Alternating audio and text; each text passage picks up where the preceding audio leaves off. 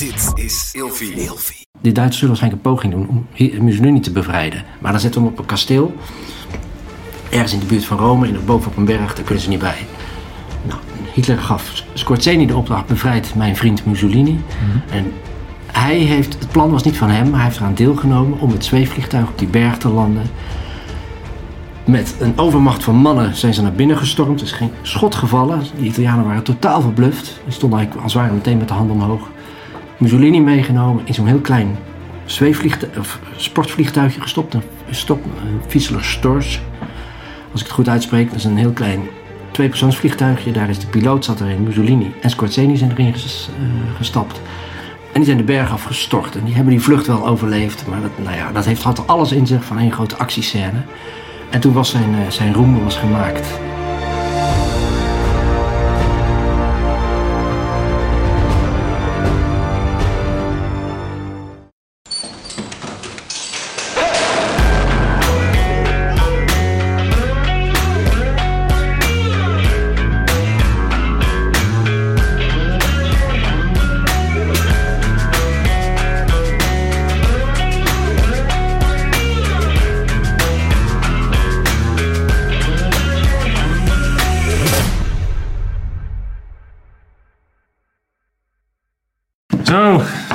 Nieuwe, nieuwe aflevering. Scherpschutters, welkom.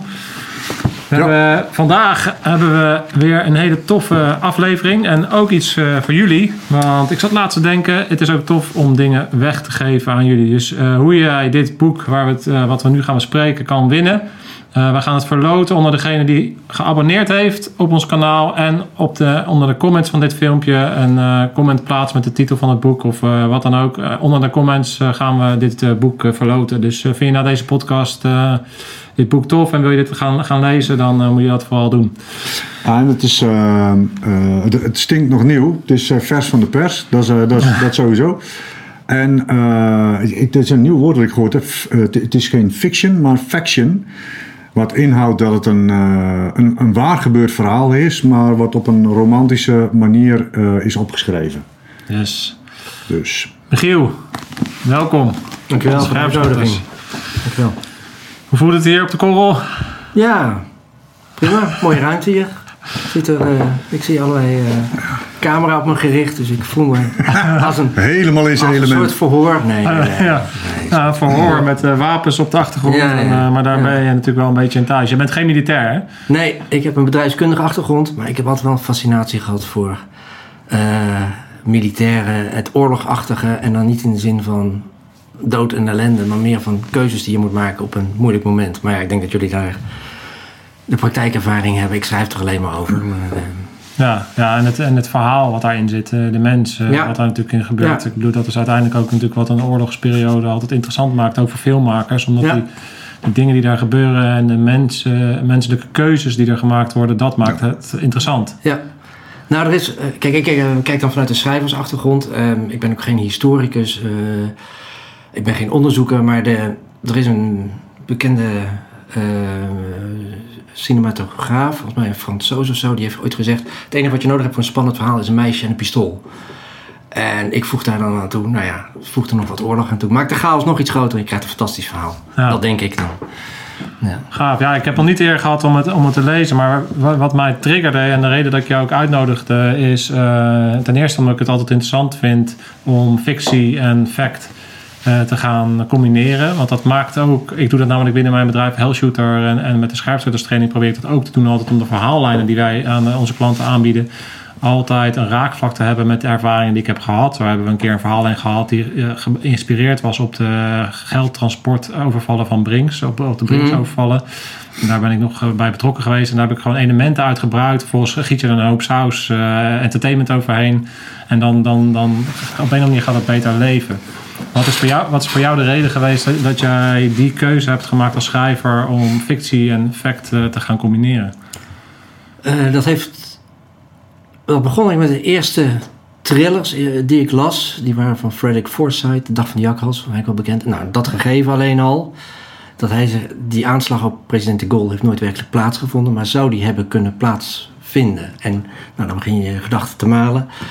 En het, het andere idee, eh, even een voorbeeld. ehm, laat ik zeggen, dat is langzaam bij mij gegroeid, geëvolueerd tot eh, wat zou ik er zelf mee doen? Het what-if scenario noemen de Amerikanen dat. En een andere, ehm, toen mij duidelijk werd waarom ik niet echt puur binnen non-fictie moet blijven, omdat je dan alleen nog feiten houdt, maar dat je meer eigenlijk ja, die romantische saus eroverheen legt. Het, het wordt smeuier gemaakt, waardoor het verhaal mooier is, maar ook spannender. Je kunt het een beetje naar je eigen vorm buigen. Is. Ehm, Tom Cruise heeft ooit die film gemaakt, eh, Valkyrie. Ja. Terwijl dat een remake was van de Duitse versie. En gebaseerd op de von Stauffenberg aanslag van 22 juli 1944 uit mijn hoofd. Ehm, die, dat verhaal was minder bekend, tenzij je er echt over gelezen had of je verdiept had. Ja. Duitse versie deed ook nog niet veel. Maar toen Cruise er als het ware zijn vinger tegenaan legde, toen wist iedereen het in één keer. Toen werd het bekend. Denk ik, ja, zie je wel, je moet een, een verhaal dat de moeite waard is om te vertellen, gaat in fictievorm makkelijker dan in non-fictievorm. Ja. Dat is, ik- en ik voel me daar ook beter bij thuis.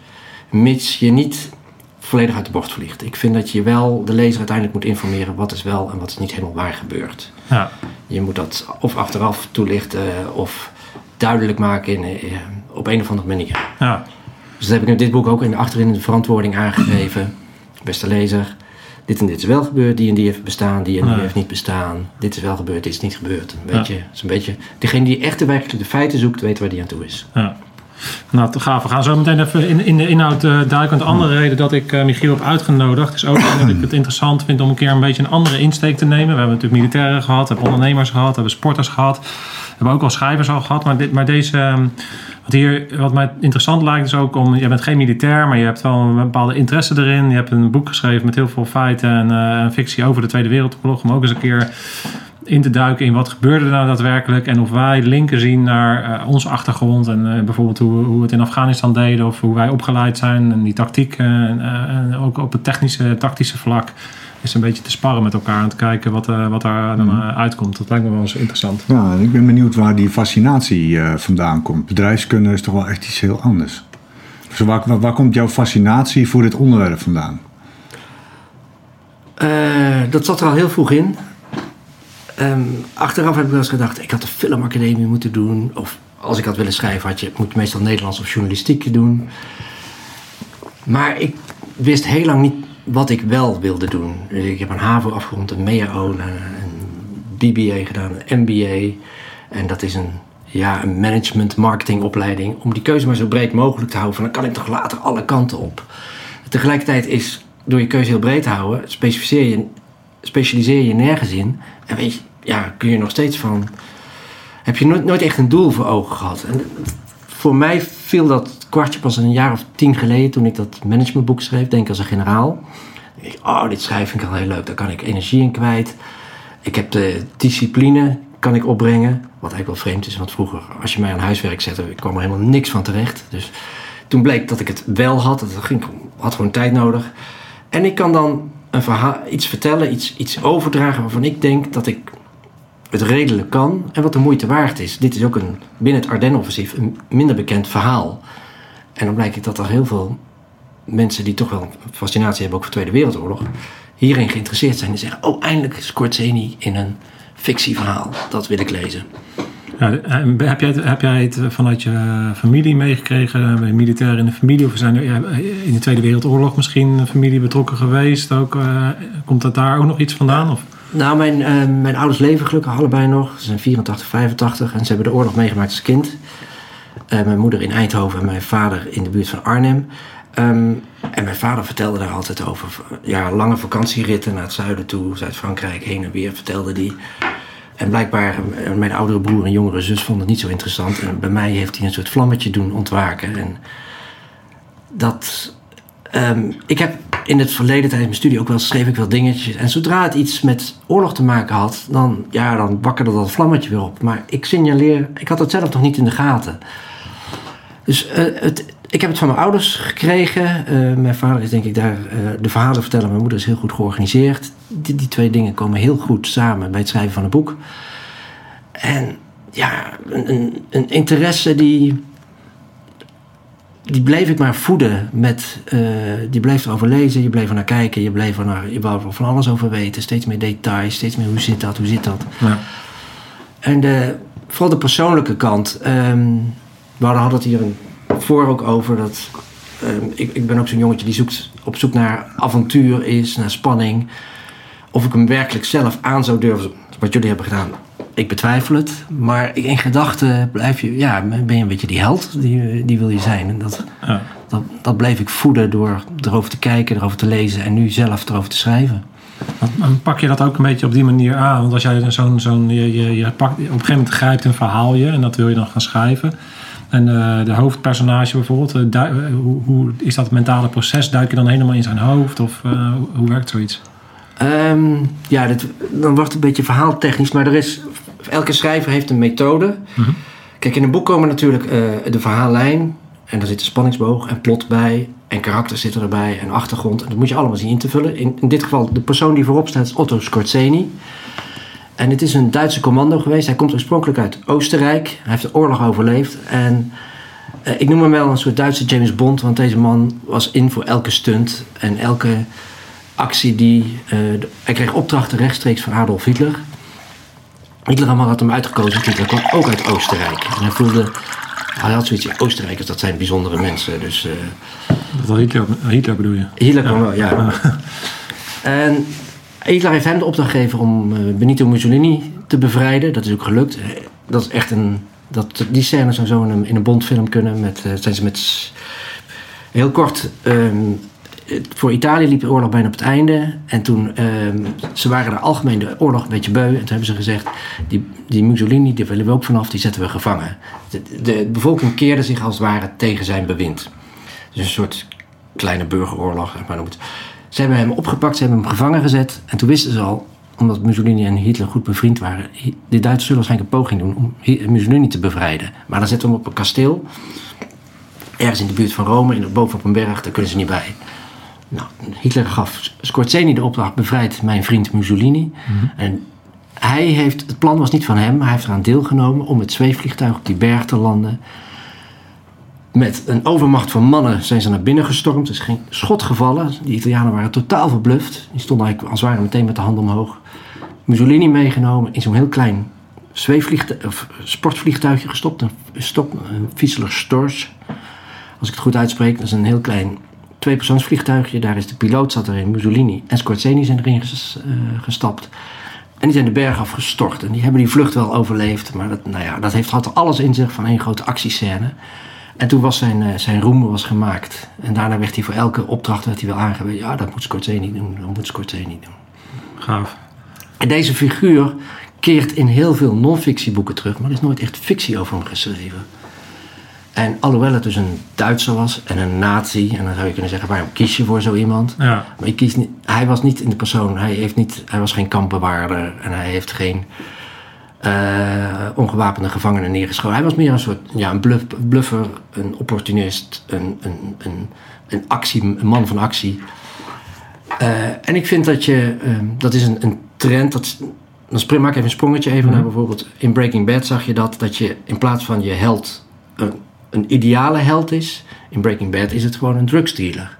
En dat was heel vaak is Breaking Bad is daar een soort keerpunt ook geworden. Je kunt ook van een negatief, een slecht persoon, kun je een hoofdpersoon maken.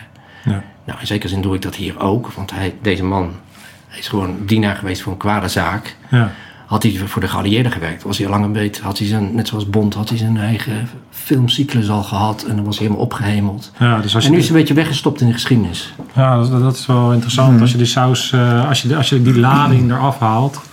Eh, ja, ik bedoel, ja, hij was toevallig eh, Duitser. Maar binnen, binnen dat Duitse regime hebben natuurlijk heel veel kundige en bijzondere mensen gewerkt. Gewoon, ja, dat ze nou eenmaal Ja. Duits waren en daar opdrachten van Hitler Nee, hebben uit moeten Heel veel van die generaals, een, een Erwin Rommel, een eh, Heinz Guderians, worden algemeen gezien als hele grote generaals van hun tijd. En daar kun je dan als het ware mensen zeggen, nou ja, dan moet je een beetje het laagje van eh, dat ze, ze, ze- nogmaals, werkten voor de vijand, hoe je het wil zien, of voor de verkeerde, verkeerde zaak. Maar wat ze deden, hun acties, hun plan was vaak briljant. Daar hadden ze heel goed over nagedacht. Maar het was toch ook zo dat, dat aan het, zeg maar, eh, eh, aan het, eh, aan het einde van de, van de Tweede Wereldoorlog... met name die hooggeplaatste militairen binnen het Duitse leger...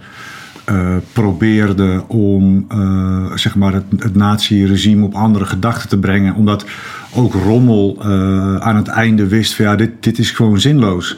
Het is gewoon zinloos dat wij hierin doorgaan. Maar dat zeg maar, zo'n zo'n Hitler die in feite in die periode nog gekker was dan die al, al, Ja. al, al, al was. Zoiets had van ja, maar wij- moeten hier gewoon in blijven doorgaan. In, in, in, in, op wat voor manier zie jij dan die Skotseni eh Ja. daarin? Ja, één, ehm, kijk, heel veel, of alle Duitse militairen moesten een eed van trouw zweren aan, de, aan Hitler, aan de Führer. En dan komt de Duitse grondelijkheid, eh, plicht naar boven. Ja, die eed van trouw die breek je niet. Dus ze, daardoor heeft het zo lang geduurd voordat ze zich pas tegen Hitler keerden. Toen kreeg je die groep rond von Stauffenberg, die die aanslag hebben gepleegd. En ehm, die namen een enorm risico. Want was Rommel daar ook niet bij betrokken? Nee, hij was er niet bij betrokken, maar zijn naam is genoemd. En dat was voor hem, dat heeft hem meteen zijn einde betekend. Want toen Hitler erachter kwam, hij wist, ja, dit is mijn populairste generaal. De woestijnbos die zoveel betekend heeft voor Duitsland. Als ik hem laat executeren, dan ehm, geeft dat een verkeerd beeld. Hij heeft daar als het ware gezegd Rommel, kies voor eervolle zelfmoord en je krijgt een staatsbegrafenis. Oh ja, ja, ja. Of ik laat je executeren en je verdwijnt als het ware geruisloos van het eh, toneel. Nou, Rommel heeft voor het eerste gekozen. Eh, hij denkt, ja, die rechtszaak die ga ik toch nooit winnen. Ehm, maar Hitler heeft na die aanslag die toen gepleegd is... keihard wraak genomen op iedereen die geprobeerd heeft hem van de troon te stoten. En daarna vertrouwde hij ook niemand meer binnen, eh, binnen de Weermacht, binnen het Duitse leger. En het had hij overal marionetten geplaatst. En het enige die, enige die hij nog vertrouwde was, waren SS-generaals. En hij, hij zei, dat zijn mijn mensen nog. Maar wat je zegt ook al, het beeld van Hitler was tegen die tijd al zo verknipt. Hij geloofde nog in de, in de eindoverwinning en die was, dat, dat, was niet meer, dat kon al lang niet meer. En het Ardennen-offensief was ook eigenlijk een kansloze poging al vooraf. Ja, Kan je daar eens de, de, de, de want dat is dus waar het, af, eh, het, het verhaal afspeelt. Kan je schetsen wat het Ardennen-offensief is en eh, welke setting dat Ja. eh, plaatsvond? Het Ardennen-offensief wordt ook al de laatste gok van Hitler in het Westen genoemd. Kijk, Duitsland werd natuurlijk had een twee frontenoorlog voerden ze aan het oosten tegen de Russen. En tegen de eh, geallieerden waren geland bij Normandië. En zolang ze eerst alleen die Russen hadden, hadden ze zoiets van, nou ja, hebben in het westen hebben we rust. We hebben daar die Atlantikwal en daar komen ze niet doorheen. Nou, dat bleek dus eh, een, een, eh, toch het geval te zijn met die landing. En het grappige is ook wel, jij niet dat de naam van Erwin Rommel net vallen. Toen die gebeld werd op de ochtend van 6 juni, ja, de geallieerden zijn geland, wat moeten we doen? Het eerste wat hij zei, "Maar, eh, sluit vrede met ze, want die zag het al aankomen. Dit gaat helemaal mis. Die geallieerden hebben toen eh, uitge- eh, hebben behoorlijk slag moeten leveren in Normandië om uit te kunnen breken. Eh, dat, daar liepen ze behoorlijk achter op schema. Toen ze dat lukte, toen viel heel kort daarna viel Parijs, toen viel Brussel en toen stoomden ze op richting Duitsland. En heel veel Duitse generaals hadden zoiets van, nou weet je, dan gaan, verdedigen we ons achter de Rijn. Dat is de Heimat, dat is ons, daar de- Siegfriedlinie, de Westwal werd dat genoemd. Daar gaan we ons nieuwe verdediging. Dus als het ware, ze trokken zich heel lang terug. En daardoor ging die ehm geallieerde opmars heel snel. Binnen een paar maanden stonden ze al aan de grens met Duitsland. Maar toen werd het eh, weer slechter. Toen zaten ze in eh, december. En als het weer slecht... De geallieerden hadden een enorm luchtoverwicht. Met, eh, hun luchtmacht heerste als het ware in de lucht. De Luftwaffe was nergens meer te bekennen. Maar met slecht weer kun je niet vliegen. Dus toen... ehm, daar rekende Hitler als het ware op. Die denkt, nou, ik kan... Hij wendde zijn blik als het ware af van het oosten. En zoiets nou, daar moet ik niet te veel aan denken. Ik krijg alleen maar hoofdpijn van die Russen. Want dat, we strijden daar één- tien tegen één. Als ik nou probeer in het Westen een definitieve slag te slaan, een, gok, maar zo noemde hij het zelf niet, met een aanval, die noemde hij, eerst werd hij Wacht am Rijn genoemd, en dat was een eh, misleidende naam, want als hij bekend zou worden bij de geallieerden, die dachten, ja Wacht am Rijn, dan staan ze alleen maar stil. Maar hij wou daarmee, met die slag, wou hij door de Ardennen, waar hij in mei 1940 zo'n succes had gehad, want daar, met die, dat was de aanloop tot de overwinning op Frankrijk doe ik nog een keer, mijnzelfde truc, speel ik uit. Alleen nou doe ik het in de winter. En dan probeer ik door te stomen tot Antwerpen. De haven die net veroverd was door de geallieerden. En dan verover ik die weer. Dan hebben ze geen aanvoerhavens. Daar wordt, voor hen wordt het moeilijk om troepen en materiaal aan te voeren. En dan splits ik de eh, Britten en de Canadezen in het noorden van de Amerikanen die meer in het zuiden liggen. En mogelijk verandert dat dan in ieder geval de oorlog in het westen. En dan kan ik daarna nog ooit een keer kijken wat we in het oosten doen. Ja. Dus dat was zijn, in gedachten zijn plan. En hij had een heel groot plan. En dan val ik Nederland aan, dan val ik België aan, dan val ik Noord-Frankrijk aan. Nou, toen werd al gewaarschuwd, dat kan allemaal niet. Want daar hebben we de troepen niet voor, en de manschappen niet voor, en de tanks niet voor, en de vliegtuigen niet voor. Nou, uiteindelijk werd hiervoor gekozen om een soort boog, sikkel te maken. Dan kwam, zou die binnenkomen bij, in de Belgische Ardennen, door Brussel steken en naar Antwerpen toe. En dat zou hij doen met twee tanklegers en één infanterieleger. Maar dat bleek dus uiteindelijk veel te weinig nog te zijn om ver te komen. Daarbij, ehm, nogmaals, de Luftwaffe had amper vliegtuigen. Ze hadden onvoldoende brandstof. Ze moesten brandstofdepots van de geallieerden veroveren om hun tanks rollende te houden. En ehm, het was, het, hij had geen slechter tijdstip kunnen kiezen dan dat moment. Die Belgische de weggetjes in de Ardennen, en ik heb het zelf onlangs weer gezien, die zijn super smal, die zijn heel modderig. Je moet een aantal rivieren doorsteken. Als je die bruggen niet hebt, dan loop je al vast. Ze hadden van die joekel van die zware tanks hadden ze in gebruik. Ze hadden die, die ehm dat is een tank uit mijn hoofd 62 ton of zo, een slagschip. Probeer die maar over smalle weggetjes te manoeuvreren. Dat, dat lukt allemaal niet. En die dingen die vreten brandstof. En het- die, nogmaals, die brandstof hadden ze niet. Dus het was logistiek gezien een hopeloze situatie. Ze zijn in eind gekomen, maar ze liepen helemaal vast. En vooraf aan het, brand, aan het Ardennen-offensief zat deze operatie van Scorzeni, die voor op mijn boek staat.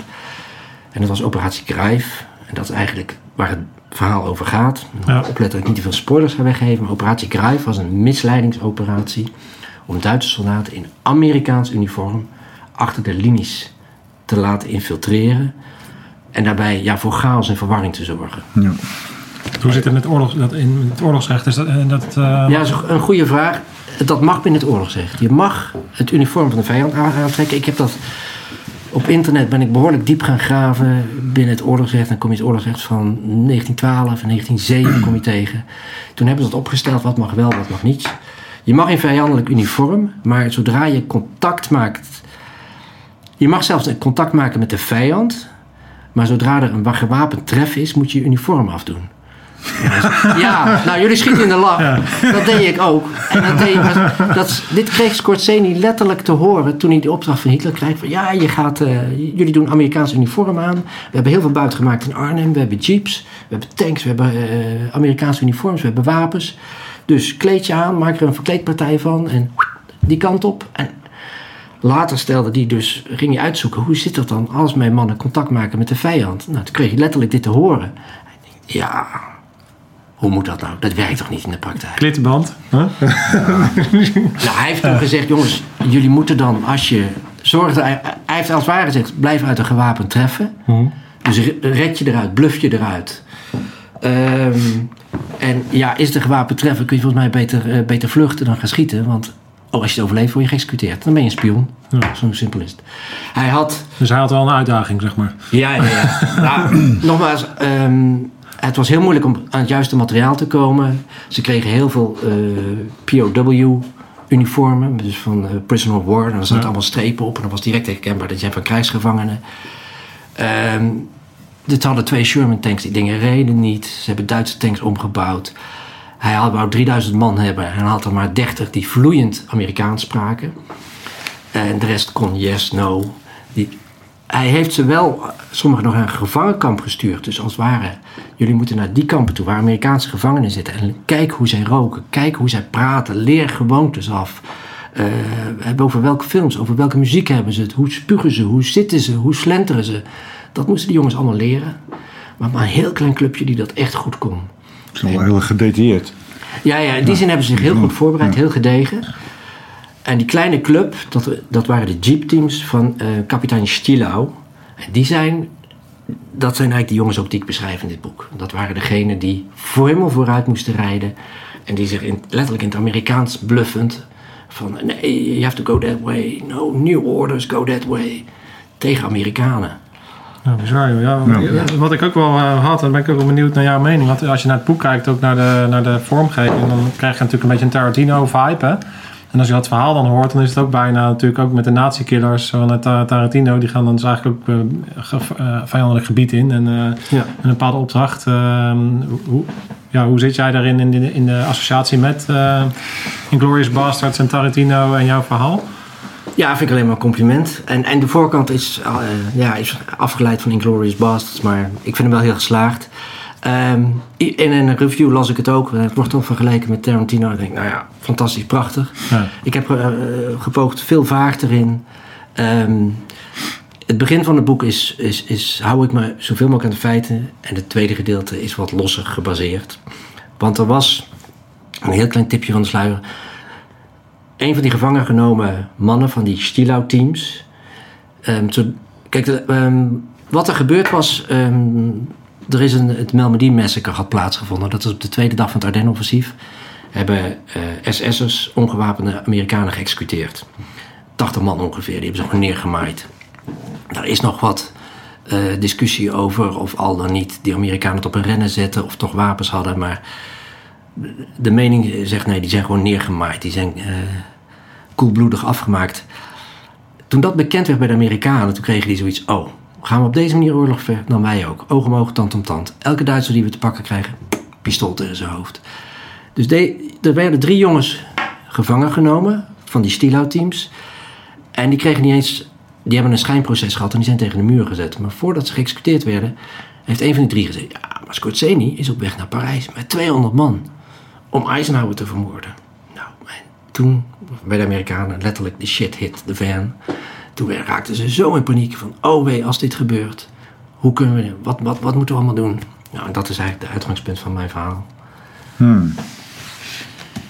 Ja. Moet ik niet te veel meer zeggen? Nee, nee, nee. wat ik heel eh, eh, bijzonder vind, als je dan een beetje vergelijk gaat maken met, eh, ja, met oh ja, oorlog, met hoe, hoe, eh, hoe zeg maar militaire eenheden tegenwoordig worden ingezet. Volgens mij is de grootste vergissing van Adolf Hitler strategisch gezien dat hij zich ooit bemoeid heeft met strategische vraagstukken. Ik denk dat, eh, dat Duitsland in die tijd eh, over een uitstekende top in het leger bezat, zeg maar. Dus het- echt knappe, knappe koppen die strategisch precies wisten wat ze moesten doen. En in plaats van eh, eh, daarnaar te luisteren en zich te laten adviseren om naar aanleiding daarvan beslissingen te nemen, nam hij gewoon zelf de beslissing en gaf volgens mij gewoon ijskoud ook opdrachten om iets uit te voeren. En, en, en dat is wel, hè, dan zie je dus als, als, als politieke leiders zich met dat soort Ja. zaken gaan bemoeien. Ja, er is een uitspraak hoe dan ook zegt, eh, de- de- en die kent twee kanten. Eén zegt, ja, oorlog is te belangrijk om door eh, politici eh, uitgevoerd te worden. En de ander zegt, de oorlog is... Het, het. Het resultaat nee, van. nee, nee, dat, dat zegt Van Klaus zoiets. Maar oorlog, oorlog is te belangrijk om door generaals te laten uitvoeren, zeggen politici dan. Ja. Want die willen alleen maar gechargeerd naar voren beuken en materiaal, staal tegen staal en keihard knokken. Terwijl, ehm, ja, dan belanden we een beetje in de huidige tijd en wat er nu gebeurd is met de Verenigde Staten, eh, Iran en zo. Eh, Trump heeft natuurlijk een, een, een kleine een stoot uitgedeeld. En, en kijken, ja, kan hij een klap terug verwachten? En dan kom ik heel even terug op wat, wat jij zei over. Kijk, Adolf Hitler heeft toen hij aan de macht kwam in 33 tot en met 1941 zat alles mee, ging alles goed. Elke keuze die hij maakte, eh, hij kreeg, hij, met, met, hij blufte zich als het ware Oostenrijk erbij, eh Tsjechoslowakije erbij, eh, de aanval op Polen lukte, de aanval op eh, Noorwegen en Denemarken lukte, de blitzkrieg in het westen lukte. Dus, ja, hij voelde zich groter dan God. Dus probeer zo'n man daarna maar eens tegen te spreken. En toen draaide langzaam de boel tegen hem. Maar hij geloofde nog steeds dat hij de, de wijsheid in pacht had. Terwijl in de Eerste Wereldoorlog was hij niet meer dan een corporaal. Ja, messenger. Ja, hij werd, hij werd ook... Dat was een runner toch? Hij moest toch gewoon boodschappen rondrennen? Ja, inderdaad. Het- het- het- dat hij de oorlog überhaupt, de Eerste Wereldoorlog overleefd heeft, kun je afvragen van in godsnaam, er zijn er zoveel gesneuveld. En Ja. eh, deze mislukte kunstschilder overleeft het wel. en hij had, hij had een hele goede eh, generale staf, eh, op een aantal missers na, maar een hele goede generaals, eh, een, een Van Manstein. Eh, er zijn er veel meer die, die, die echt briljant strategisch inzicht hadden. En die heeft hij in het begin ook echt goed ingezet. Ja. Maar daarna geloofde hij nog ste- steeds meer in zijn eigen kunnen. En overrulde die ze vaak ook. Of zette die ze weg. Zo van, nou ja, weet je, we doen het zo en we doen het zo. En dat is een van die dingen die ik tegenkwam. De geallieerden hebben heel lang geloofd... we moeten Hitler gewoon eh koud stellen. We moeten hem uitschakelen. We sturen er een huurmoordenaar op af. En die, eh, in de Berghof eh, schiet hij hem neer. Of ergens in Berlijn, we blazen hem op. Want dan zijn we van hem af. En later, in 41, 42, wijzigde dat. Die zegt, in godsnaam, we blazen hem niet op. Zolang hij daar zit, nemen ze telkens de verkeerde beslissing. Wordt het ook wel alleen maar makkelijker voor ons. dus, en dat is werkelijk. Operatie Foxley is, is, was zo'n plan om Hitler te vermoorden. En die is gecanceld. En ze zeggen, nee, we gaan hem niet meer uitschakelen. We laten hem lekker zitten. Eh, ja, want de, de- Daarom laten we Trump ook zitten. Zeg maar. Wie weet wat voor machten erachter achter allemaal zitten, joh. Ja, want, eh, is, is eh, Hitler gedurende eh, richting zijn einde zijn eh, mind verloren? zeg maar? Is hij gek geworden? Ja, ik durf bijna wel te zeggen dat hij gek is geworden. Eh, er is geen wetenschappelijk onderzoek op losgelaten. De man stond stijf van de pillen. Hij had meerdere doktoren en die gaven hem injecties en pillen. En volgens mij kan geen één normaal mens zou dat overleven. Daar zijn er records van dan, daar medische dingen? er zijn getuigenverklaringen van, Oh ja, in ieder geval. Van wat hij slikte en wat hij dronk. Ja. Hij had ook een heel absurd ritme. Ehm, hij stond pas heel laat op. Liet zijn generaals daardoor heel lang wachten. De belangrijke beslissingen nam hij smiddags pas. Eh, nam heel lang een theeuurtje. Werd heel sociaal. eh, kletsen, kletsen, kletsen. Hij ging s'avonds heel laat nog militaire besprekingen doen. Tot een uurtje of 1, 2 s'nachts. En dan sliep hij weer uit tot 2 uur 's middags. Niet echt een handige indeling, denk ik, als je belangrijke beslissingen moet nemen. En hij had, ja, had meer. ehm, even als je eh, de. Ian Kershaw heeft daar een boek over geschreven, een enorme pil. De belangrijkste fouten, zo'n beetje van de belangrijkste strategische fouten die gemaakt zijn tijdens de Tweede Wereldoorlog. En een daarvan is onder andere: waarom heeft hij zich zo gericht op het vernietigen van de Joden? Eh, die man had natuurlijk een volledig verknipte geest daarover. Had hij die energie elders ingezet en zich niet met de Joden bemoeid, had hij weer veel meer eh, materiaal en geld en troepen en manschappen kunnen vrijmaken. Maar ja. Hij had waanbeelden, eh levensruim, eh Untermenschen. En die waanbeelden die zijn bij hem, die zijn, ja, hij, hij was bezeten gewoon als het ware. Ja. Jezus. Ja, dan kan je... Maar dat kan- maakt hem daardoor niet minder fascinerend. Ik, Nee. zal, ik zal Hitler niet ophemelen. Maar ja, waarom verschijnen er zoveel boeken over? Waarom verschijnen er zoveel films over? Omdat het, het is het is een beetje het ultieme kwaad. En dan in één persoon. En daardoor is het... Nou, ik denk dat, mensen zich... Nou, ik denk dat het heel, ik denk dat het fascineert, omdat er zeg maar mensen in leven zijn die uit die tijd komen. Eh, voor heel veel mensen is het gewoon bijna, eh, is het letterlijk tastbaar. En, en voor de, nakomelingen, een beetje onze ouders, is het tastbaar. En eh, ik, ben, ik ben ook opgegroeid met, met de Tweede Wereldoorlog. Duitsers waren moffen. En eh, eh, ik, ik, ik, ik kom eh, van Vlieland af in de duinen ging je oorlogje spelen. En dan speelde Ja. je de, de, de, de nazi's tegen de Ja. geallieerden. Dat speelde je gewoon. Dus dat maakte bijna onderdeel uit van... van Ik herken eh, dat. Ja, ja. en, hè, en, en, en kort daarna ontstaat natuurlijk de Koude, de Koude Oorlog. En, en ja, die oorlog hebben wij natuurlijk, daar zijn wij in opgegroeid. Ja. Ja. de- de- en, en ik denk dat het daarom heel erg fascineert. Maar wat mij heel erg fascineert is van hoe, hoe het ehm, mogelijk is geweest dat zo'n, en eh, ik denk dat daar de hele wereld bijna over eens is, zo'n achterlijke Mongool dit allemaal voor elkaar gekregen heeft. ja. Ja, het dat maakt het natuurlijk ook interessant. Hè? Want eh, ik, wa- wa- waarom ik eh, dat liever niet schuw om over dit soort onderwerpen te praten. Want je kan natuurlijk eh, denken, ja, moet je dan over naties praten? Moet je het vanuit hun perspectief kijken? Maar ik denk dat er niks belangrijkers is dan Ja. het kwaad te bestuderen. Nou ja, er zijn heel veel lessen uit te trekken. Want ehm, hij is uiteindelijk hij is democratisch gekozen. In een periode dat heel slecht ging met Duitsland. Hyperinflatie. En ze hadden last van het verdrag van Versailles. Eerste Wereldoorlog. Maar dan... De les die je... En die kun je toepassen denk ik op heel veel situaties die later zijn gekomen. Zodra een land in een crisissituatie zich bevindt. Waar het heel slecht gaat. eh, komen er, is er voedingsgrond voor personen die ja, alle macht naar zich toe kunnen trekken. En dat is in, die zin een, een, een les die zich blijft herhalen. Let op wanneer een democratie wegvalt. En dat is absoluut niet de meest ideale vorm van sociale eh, vorm die, eh, van, eh, die, die, die er bestaat misschien. Maar het functioneert en het houdt, ons, houdt de boel in balans. En als die wegvalt en je krijgt een dictator ergens. Kijk wat er in Venezuela gebeurt of zo. Het land heeft de grootste olievoorraden, maar het zit totaal aan de, Aan de grond. aan de grond. Het is totale armoede daar. Ik, ja, dan werkt er dus iets niet, niet. En de bevolking leidt daar weer onder. Ja. Dat kan enorm veel schade opleveren wanneer een verkeerd persoon alle macht naar zich toe trekt. Ja. Ja, dus dat, dat hebben we natuurlijk geleerd. En eh, wat, wat je nu natuurlijk leest en als je nu om je heen kijkt, wat ik wel eens heb, is, en dat hebben we al een keer eerder besproken, je hebt nu ook zo'n eh, theorie bijvoorbeeld eh, van een oud marinier. En die heeft ook beschreven dat in 2020 de derde wereldoorlog gaat, gaat beginnen. En dat misschien wel het offensief vanuit Trump nu eh, over 20 jaar terug, of over 50 jaar teruggelezen in, in de geschiedenisboeken als eh, Hmm. het, eh, de- start van een eh, derde eh, systeemoorlog. Eh, omdat het gewoon uit te tekenen is, bijna natuurkundig te zien hoe de Ja. spanningen oplopen en hoe uiteindelijk ergens moet dat, moet dat een soort moet er een ontlading zijn en moet er een systeemoorlog komen, komen, komen bepaalde eh, modellen onder druk te staan, dusdanig, eh, politieke systemen, maar ook wereldwijd. Natuurlijk er zijn er nu zoveel verschuivingen geweest. Nou, ja. Dat je, dat, je, dat je er dus niet aan komt. En als je kijkt naar de wereldleiders, dan, als, je, als je Trump en hoe heet het, ehm, eh, Poetin en Erdogan en je gaat Franco en Mussolini en Hitler. Het, het zijn. Je, je ziet gewoon bepaalde, bepaalde types, bepaalde, ja, eh, ja, het zijn karikaturen van te maken. eh, en eh, en hoe, hoe, ze regeren, dat, dat, dat daar natuurlijk een. eh, ja, dan maak ik me wel eens zorgen. Hoe kijk jij naar de wereld met al jouw eh, kennis? Ja, nou, ik heb ook niet allebei zet en pacht. En ik, ik vind het ook beangstigend. De- ehm, aan de ene kant, als je terugkijkt, in het, eh, stel je gaat terug tot, tot vanaf nu een lijn terugtrekken naar 45, zijn we meerdere malen al is de wereld langs de afgrond gegaan. Eh, je hebt de Cuba-crisis gehad. Je hebt later eh, de val van de muur gehad, dat met een sisser is afgelopen. Ehm Vietnamoorlog heb je gehad, dat had kunnen escaleren.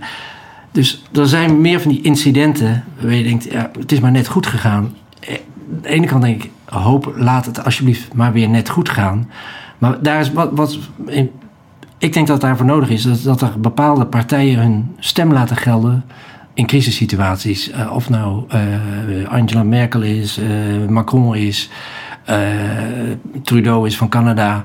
Die op een gegeven moment ook zegt, en tot hier en niet verder. We, we, we, een dialoog in plaats van kogels of zo. Maar ja, het is. eh, Ja, het blijft een bizarre... het uh, Ja, ik vond het- volgens mij is het ook niet te voorspellen. Is er te veel ehm, eh, hoe moet ik zeggen, indicatoren zijn, blijven onbekend. Mhm. Eh, of het nou grondstof is, of het nou eh, energie is, of het eh, alleen maar geld is, of, of, of die, die spelen op den duur een combinatie daarvan. Of dat je toch ziet dat er een tendens ontstaat die nieuwe, ja. weer iets nieuws eh, doet ontstaan. Ik, Ja. ik vind het heel lastig om daar eh zinnigs over te zeggen. Nou, dat, dat gaat misschien ook een beetje boven ieders eh, eh, pet uiteindelijk. Kijk, waar, waar ik het, eh, wat, wat ik interessant vind om eh, te bespreken is, eh, waar we ook mee begonnen zijn, waarom eh, de verhalen uit oorlog, oorlog is vreselijk, eh, Tweede Wereldoorlog is vreselijk, maar de verhalen eh, binnen de oorlog maakt natuurlijk dat daar zoveel boeken over geschreven zijn, omdat het nou eenmaal een heftige tijd is geweest en daar dus, eh, eh, kijk, eh, een van de dingen die ik gebruik binnen mijn bedrijf, Hell Shooter, een van de, van de scherpschutters trainingen ook, is door me- mensen onder uitzonderlijke uit- omstandigheden uit te dagen, ontstaat er een, een enorme intermenselijke band. Dat zien we, waarom, is, waarom hebben we het altijd over brotherhood binnen, binnen de eenheden, binnen Special Forces? Dat komt omdat je met een groep mannen of vrouwen, maakt allemaal niks uit, maar in dit geval mannen, op pad bent en je onder bizarre omstandigheden traint en vecht en eh, samen klussen klaart. En eh, dat creëert een band voor het leven. En dat maakt denk ik waarom eh, op menselijk vlak zo'n zo'n periode zo interessant is. Omdat er zoveel mensen zijn die heftige dingen hebben meegemaakt en daardoor ook meer verbinding met elkaar hebben gemaakt dan dat ze ooit hebben gedaan buiten oorlogstijd. Ehm, hoe heb jij daarnaar gekeken, naar, naar, de, naar de karakters en hoe heb je die uitgediept? En wat, kan je daar wat meer over vertellen? Ehm, ja. Kijk, in, in mijn idee is, ehm, als ik mijzelf terug zou plaatsen in die tijd, 40, 45. Volgens mij is dat een tijd waarin je, en, en dat, dat maakt hem interessant, hoe, hoe vreselijk het ook was. Je moest een keuze maken. Ook al was je gewoon ergens een burger op straat. Het kan zijn dat er midden in de nacht wordt aangeklopt door een Joods gezin bijvoorbeeld. En dan, wat, laat je ze binnen of laat je ze buiten staan? Op dat moment word je met de keuze geconfronteerd. Of je laatste voedselbonnen deel je ze uit. Of er ligt iemand op straat die een granaatscherf door een bombardement in zijn benen gaat, loop je eromheen? Of kies je zelf om naar de schuilkelder te gaan of zeggen nee, ik ga die man hier het leven redden en ik neem hem mee. Keuzes, keuzes, keuzes maken. Ehm, wat vaak het lastigste is. En dan moet je in een flex reageren. Ik denk, als je bij jullie in, in hell shoot, dan krijg je hetzelfde. Snel linksom, rechtsom, uh, wel schieten, niet schieten, uh, naar voren, naar achter. Dat vind ik het interessante. Dus, en als schrijver kun je, ja, je hebt de regie over je hele verhaal. Ik kan bepalen op een gegeven moment, nou deze persoon, uh, sorry, voor hem houdt het op. En met hem ga ik verder. Of bijvoorbeeld even de rol van de vrouw in mijn verhaal heb ik heel lang mee lopen worstelen. Want er komen niet veel vrouwen in voor. Ze waren er wel. De Russen hebben heel veel vrouwen ingezet. Eh, er waren vrouwelijke eh, piloten. Ze hebben als couriers gewerkt. Ze hebben in de fabrieken gewerkt. Maar in dit verhaal komen ze niet voor. Dan kon ik heel geforceerd bijvoorbeeld dan zeg ik... ga een vrouw in mijn verhaal toevoegen. Maar dan had het nergens toe geleid. Ze hebben een ondergeschikte rol. En, uh, er komt een spionne in voor. En, dus ik heb er wel ingebracht. Maar ik moet als het ware ook, net zoals jullie, maar bij elke bladzijde, bij elke keuze, ga ik linksaf, ga ik rechtsaf weer, ga ik met deze verhaallijn door, wat doe ik, buigt deze af, of hoe loopt het af. Ja. En dat heeft met mijn plot te maken, heeft met de spanningsboog te maken. En dat is juist wel heel leuk om te doen. Ja. ja. ik vind het heel bijzonder uh, wat je zegt hè, in die tijd van uh, dat, dat, dat, je in, in zo'n tijd uh, continu wordt geconfronteerd met keuzes. En dan keuzes tussen goed en fout. En je hebt heel weinig tijd om keuzes te maken. Ik, uh, dat, dat... Ja, maar het is niet alleen maar goed of fout. Het is nee, nee, vaak fout of fout. Of ja, minder fout. Een, een, grappig voorbeeld, als ik hem mag aanhalen even. Uh, Eisenhower, die komt dus in mijn boek voor. Die moest beslissen op um, ehm, 4 juni. Moet ik goed zeggen, 4 of 5 juni moest hij beslissen of die uh, hele landingen wel door zou gaan. Hij had een, een meteoroloog maar ja, dat was allemaal heel beperkt wat die lui deden. Die konden een paar kaarten en die aflezen en die kregen wat berichten. Kregen ze uit Groenland of van, uh, van IJsland. Van, komt er wel of niet een front aan? En ze hadden geen appie.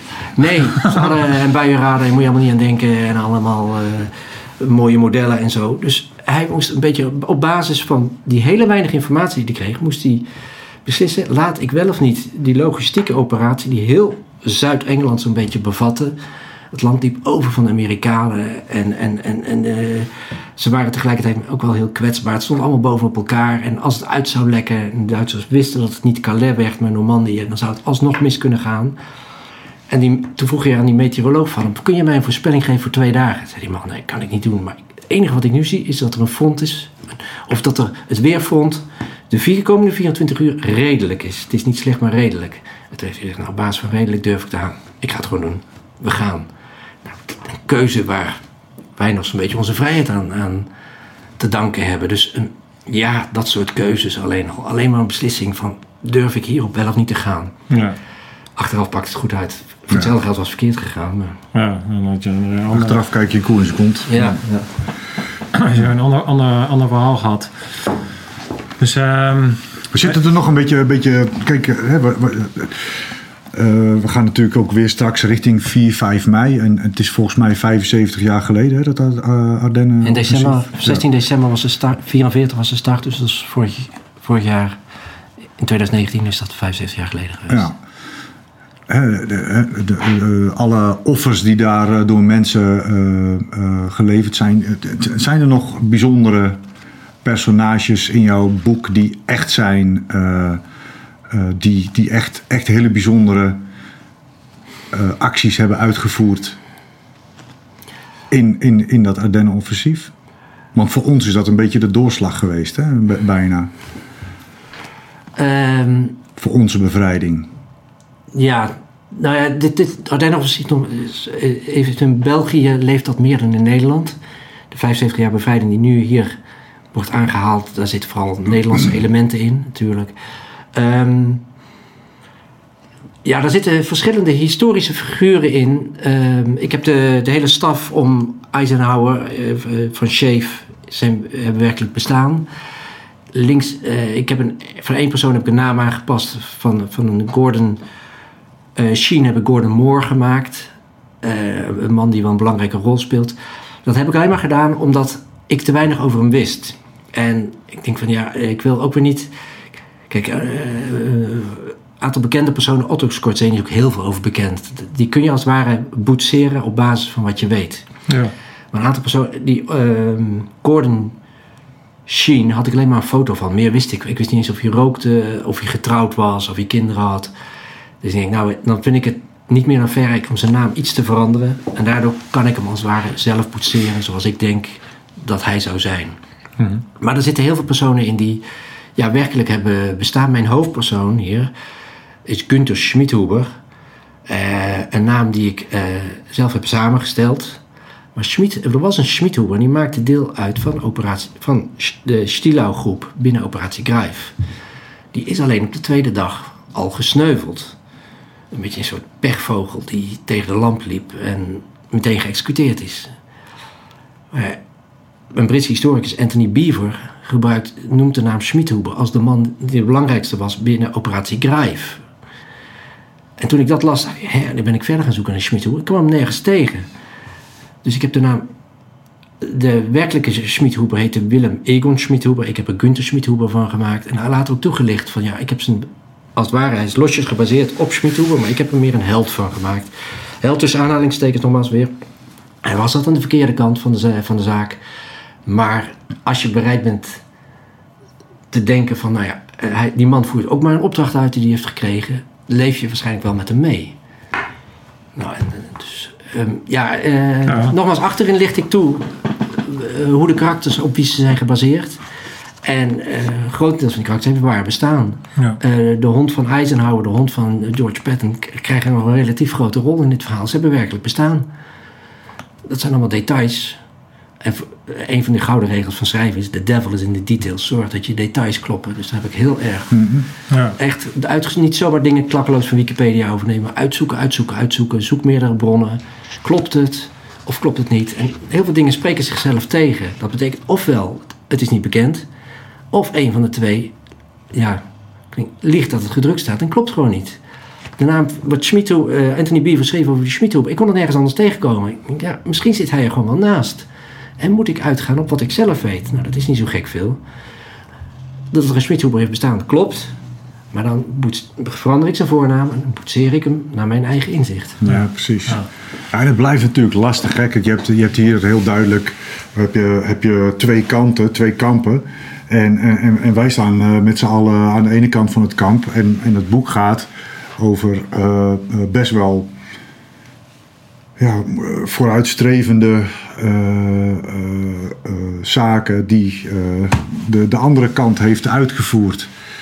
Hè, ik denk dat, dat het altijd wel zo zou zijn als je twee zaken tegenover elkaar hebt staan. Maar het is, het is ook wel dat je, zeg maar, als je het dan hebt over krijgerschap, hè, dat je een bepaalde respect, ja, is misschien het verkeerde woord, of eerbied, of Ja. ja, dat je op een bepaalde manier ook wel naar je vijand kan kijken, omdat die uiteindelijk eh, hetzelfde doorstaan als wat, wat, wat jij Ja. eh, Ja, doorstaat. Alleen nou, eh, eh, staat hij aan de andere kant van het strategenveld. Ja, de geallieerden en, en de Duitsers, de nazi's, hebben heel veel ideeën ook van elkaar gejat, als het ware. Qua- dat qua oorlogvoering. Ja, of, of ook qua wapenontwikkeling, Tactiek. eh, tactieken. Scorzeni was, Otto Scorzeni was gewond geraakt aan het eh, Oostfront. Herstelde in Duitsland en las daar over wat de Britten deden met hun SAS-teams in, ehm, in Egypte, in, in Noord-Afrika. En dat, bracht hem weer op het idee om zijn eigen ideeën over commandotechnieken te ontwikkelen. Dat zette hij op papier. En zo kwam hij onder de aandacht van Hitler. Want die, dat bundeltje, dat manuscript van een 10 pagina's, 20 pagina's, dat belandde op het ene bureau, op het andere bureau, dat belandde bij Hitler. En die dacht van, dat is de man die je kan gebruiken.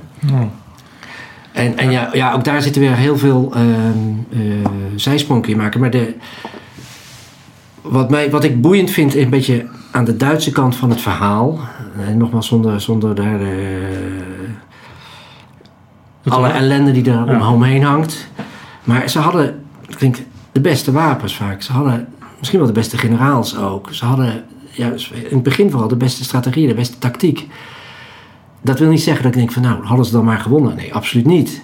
Maar je kunt leren van wat, hoe ze deden, wat ze aanpakten, wat ze inzetten. Nou, Daar, daar hebben de geallieerden jarenlang achteraan geschokt. Van, jezus, wat deden die gasten dat goed. Daar moeten we wat van leren. De Amerikanen niet voor niks. eh, De atoomgeleerden meteen eh, Ja. gearresteerd, ingerekend, kon voor ons werpen, werken. Want die lui die waren briljant. Ja, nou, toen jij, ehm toen jij Scorsese eh, aan het beschrijven was eh, bij de koffie, voor, voorafgaand aan het gesprek ook, toen kreeg ik meteen een associatie met eh, Patrick Kammaert. Dat is een eh, generaal eh, binnen het Corps Mariniers en die heeft een beetje mythische status, eh, gekregen. Eh, toen ik opkwam was het altijd een, was het al zo'n bepaald figuur. Hij is op een gegeven moment ook het Corps Mariniers eigenlijk ontgroeid binnen de NAVO en heeft in Afrika eh, 15.000 man aangestuurd in allemaal operaties. Maar waarom, waarom ik die eh, associatie had, is omdat er ook zo'n verhaal de ronde deed over dat hij in. eh, ik, ken niet meer de exacte details van het verhaal, maar het kwam er niet gewoon op neer dat hij, dat hij eh, voertuigen had geverfd om door bepaalde roadblocks eh, heen te komen. En dat zijn van die onorthodoxe eh, methodes, eigenlijk tactieken, die, die bepaalde leiders durven in te zetten onder extreme omstandigheden om een extreme opdracht uit te voeren. Ja. En, en, en, en ja, dan moet je wel uit een bepaald hout gesneden zijn. Je moet, je moet, ten eerste moet je die ideeën hebben. Ten tweede moet je het zelf durven uitvoeren. En ten derde moet je, zo, moet je zoveel charisma hebben... dat je dus de mensen meekrijgt in jouw krankzinnige plan... om iets Ja. uit, uit te voeren. En dat, dat is eh, Ja. interessant. Nou volgens mij hebben meer grote generaals dat gedaan. Eh, er staat me zoiets bij dat, ehm, misschien was het Alexander de Grote of in die tijd, een soort, soort bezems als, als het ware achter hun strijdwagens bonden om heel veel stof te doen ontwikkelen. In plaats van tien leek het wel alsof er honderd strijdwagens aankwamen zetten. Eh, van weer een Duitse generaal. Erwin Rommel is bekend toen hij net landde in Noord-Afrika. En, de, en zat een, de Italianen vochten daar tegen de Britten. En de Italianen werden in de pan gehakt terwijl ze een meerderheid hadden. Maar die Britten deden het gewoon heel slim. Die deden een soort hit-and-run eh, tactieken. Ehm, Rommel werd daar neergezet met zijn kleine tankkorps. Hij had misschien maar twintig tanks of zo, een paar legervoertuigen en, en een mannetje of een paar honderd man. Maar hij ging, deed een parade, volgens mij was het Cairo waar hij doorheen reed. Maar hij wist dat in het publiek eh, Britse spionnen stonden. En Ja, jongens, dan gaan we die parade, dan gaan we niet één keer rondrijden met die 20 tanks. We laten ze continu maar rondrijden. Dus die parade heeft anderhalf uur geduurd. En die spions, ik dacht, dit zijn honderden tanks. Die hebben hun voorste linies meteen, eh, of de, de Britten zagen dat. En in plaats van 20 dachten ze dus dat er honderden tanks, Duitse tanks aanwezig waren. En die hebben hun voorste linies meteen ontruimd. Zo van, jezus, die Duitsers zijn met een enorme troepenmacht geland. Het waren er misschien maar 20 of 30. dus een, een, niet alleen een, een, een, een, een heel strategisch plan, maar soms een vindingrijkheid. Gewoon een vondst. Als het ware vijf minuten van tevoren bedenken, weet je, we doen het zo en zo. Om daarmee, ja, misleiding, verwarring te eh, veroorzaken. Ja. Er is een uitspraak volgens mij van een... Het is een Duitse rupsen, dit. Een Duitse Een rups, rupsvoertuig. Ja, rups is een Nee. Een, een, een ehm, Neumann is een wiskunde eh, professor of zo. Die heeft volgens mij gezegd, je moet je afvragen wat de vijand denkt dat ik zal doen. En met zo'n uitspraak, als het ware, nou ja, scha- met schaken is het bijna niet anders. Ja. Wat denkt de ander dat ik zal doen? En dan juist een tegenzet doen of een andere verrassende zet. En dat is, volgens mij ligt dat een beetje ten, oorza- ten grondslag aan elk plan. Wat denkt de ander dat ik ga doen? Ja. Ja. Ja, dat is, dat is eh, enorm interessant. Je had ook eh OODA Loop, ken je dat? Nee. Dat is zo'n eh, beslissings... Cirkel. Een cirkel eh, methodiek eh, die, eh, eh, ja, dan noem je, we noemen dat altijd eh, of je iemand kan uit OODA loopen, zeg maar. Dus als jij je, je, je beslissingscyclus Hmm. binnen je eenheid eigenlijk sneller krijgt dan de ander, en ik zal het vast niet helemaal goed schrij- omschrijven nu, maar daar komt het op neer volgens mij. Dus als jij die beslissingscyclus heel snel krijgt, dan, ja, dan win je dus uiteindelijk, omdat je elke keer de vijand eigenlijk een sta- een stapje Ja, voor bent. ja.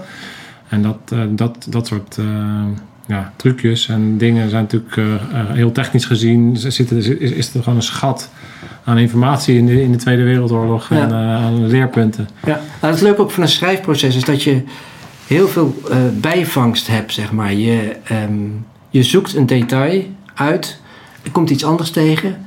Waar je, oh, dat wist ik niet. Oh, leuk om te onthouden. In dit geval onthoud ik het heel makkelijk, omdat het binnen mijn interessegebied ook ligt. En soms denk je, oh, die kan ik later toepassen. Ik kwam een Duitse onderscheiding tegen die ik niet kende. De, het IJzeren Kruis, het Ridderkruis, allemaal heel bekend. Maar ik kwam de nakampfspangen tegen. Die kende ik niet. Maar die was heel interessant juist. en niet bekend. Die heb ik gebruikt in mijn boek. Dat zijn, tijdens het schrijfproces leer je ontzettend veel. Er is een periode waar ik heel veel dingen opsteek. Want wanneer krijg je die eh, onderscheiding? Is een van, de, een van de meest zeldzame onderscheidingen. En die is vooral als je man-tot-man gevechten hebt, letterlijk hebt ondervonden. Dus in de voorste linie hebt gelegen. En als het ware iemand met, met een mes om zeep hebt geholpen. Dus echt man-tot-man gevechten. Niet, Ja. eh, niet op een drukke knop eh, een raket hebt afgeschoten. En je had hem in brons, zilver en goud. En dat had ermee te maken hoe lang je in de voorste linie had gelegen. Hoe lang je eh, direct gevaar had gelopen dat je er zelf zou sneuvelen. Je kreeg de bronzen bij vijf dagen, geloof ik, de zilveren bij tien dagen en de gouden bij twee weken of zo, zoiets. En meerdere van hebben die onderscheidingen gekregen. En dat betekent dus dat ze echt eh, ondervonden hebben hoe het, ja, hoe het was om onder vuur te liggen, of letterlijk eh, eh, met je Bajonet, blote handen iemand af te maken. Ja, bijna net geplaatst en eh Ja, voorwaarts. ja. ja. Nou, heftig. Ja, dus, dus de, de, ehm, ja, wat, wat ik ook kijkers... eh, we hebben natuurlijk heel veel eh, luisteraars en kijkers... die eh, interesse hebben in de wereld waar wij vandaan komen. En ehm, ja, daarom, daarom zou ik dit ook te hard aanbevelen om hier in te duiken. Omdat ik denk dat je nu met zo'n boek... is toch anders dan een film kijken. Je kan wel weer een serie aanzetten, maar als je een boek leest... dan krijg je meer details mee. En juist door, eh, kijk, als je geschiedenisboek gaat lezen, is het natuurlijk heel taai. eh, maar door, door deze combinatie van eh, dat fic- fictie en eh facts, dan krijg je wel die details mee. En leer je allerlei systematieken die in de, in de Tweede Wereldoorlog en qua oorlogsvoering, qua mensen, menselijk gedrag. Eh, terugkomen, daar kan je van leren terwijl het wel lekker, terwijl het ook vermaak is. Omdat het gewoon, le- gewoon eh, Ja. lekker wegleest. En eh, ja, dus die combinatie. eh, Dus nogmaals, mensen, ehm, abonneren en een, een comment plaatsen. Dan onder de comments gaan we, gaan we dit boek verloten. Ehm, dus ehm, ja, doe dat vooral. En ja, wat ik bij jou nog even benieuwd ben, is ehm, of, of het gaat naar eh, zoals je had gehoopt. Je bent een boek gaan schrijven en of we nog meer van jou eh, kunnen verwachten. En eh, wat, wat dan? Ja, want ik blijf absoluut schrijven. En, en de, ik ben met een volgende in de, maak. Waarschijnlijk weer met Otto Scorsese als belangrijk figuur erin. Ehm, ik heb het idee dat ik met deze smaak te pakken heb. En dat ik ook ehm, eh, heel veel mensen er plezier mee doe. Eh de merendeel daarvan is mannen. Maar ik denk dat vrouwen dit ook kunnen lezen. Door eh, ehm, op een frisse, spannende manier een verhaal te vertellen wat een kern van waarheid bevat en tegelijkertijd heel ja, als een soort film voor je ogen afspeelt. Ja. Ook al staat het op papier. Eh, ik, ja, ik denk dat ik hier mijn, mijn, mijn doelgroep, hopelijk hoe heet het, mijn niche gevonden heb. Eh, ik, Ja. ik heb er ontzettend veel zin in om aan de volgende te beginnen. Ah, nou, ik eh, ga hem ook eh, verslinden, dus bedankt ook, want we hebben ook een exemplaar eh, gehad. Dus eh, heel erg eh, tof en heel veel succes met, eh, met, met de release en je nieuwe boek. Ja, ga hem lezen. we blijven je Maar volgen. dan wacht ik wel op de verfilming.